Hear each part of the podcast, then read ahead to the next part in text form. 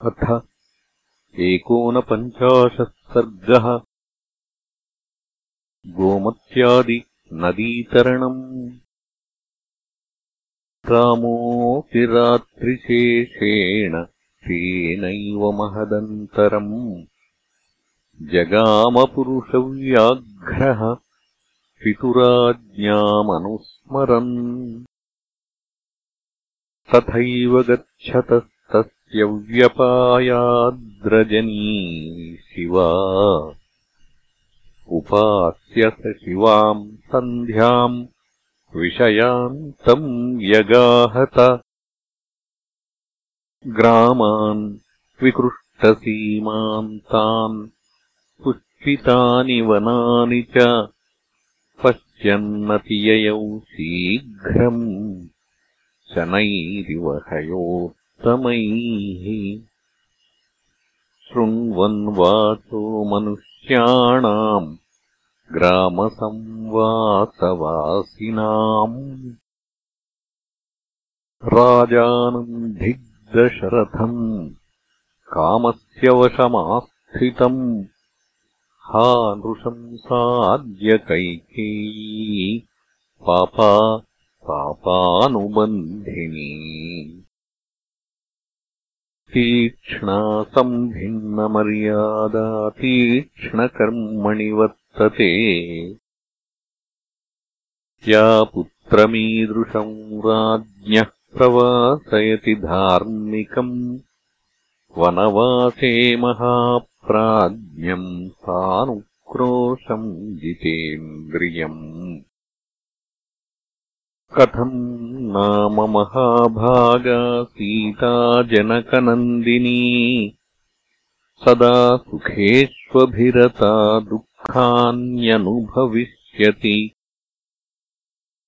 आहो दशरथो राजानिस्नेहः स्वसुतम् प्रियम्।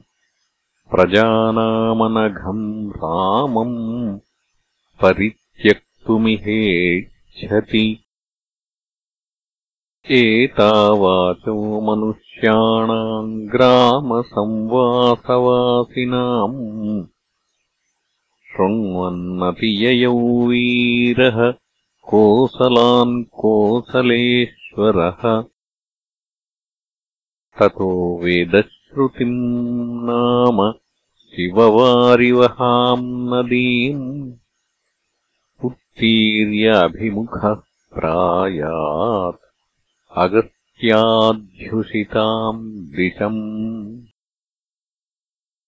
गत्वा तु सुचिरम् कालम् ततः शिवजलाम् नदीम् गोमतीम् गोयुतानूपाम्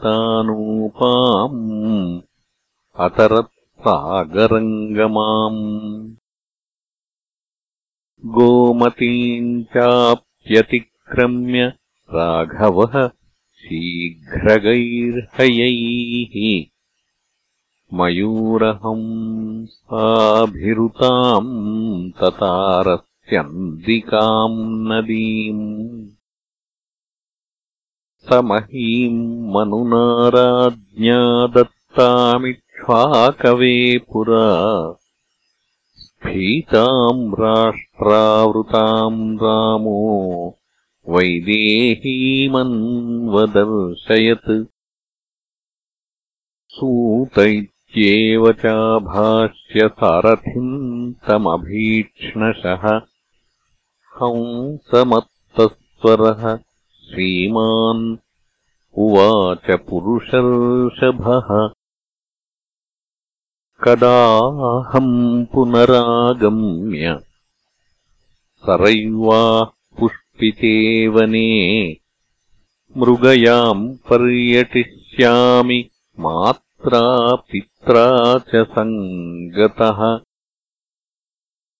नात्यर्थमभिकाङ्क्षामि मृगयाम् सरयूवने प्रतिर्ह्येषातुलालोके राजर्षिगणसम्मता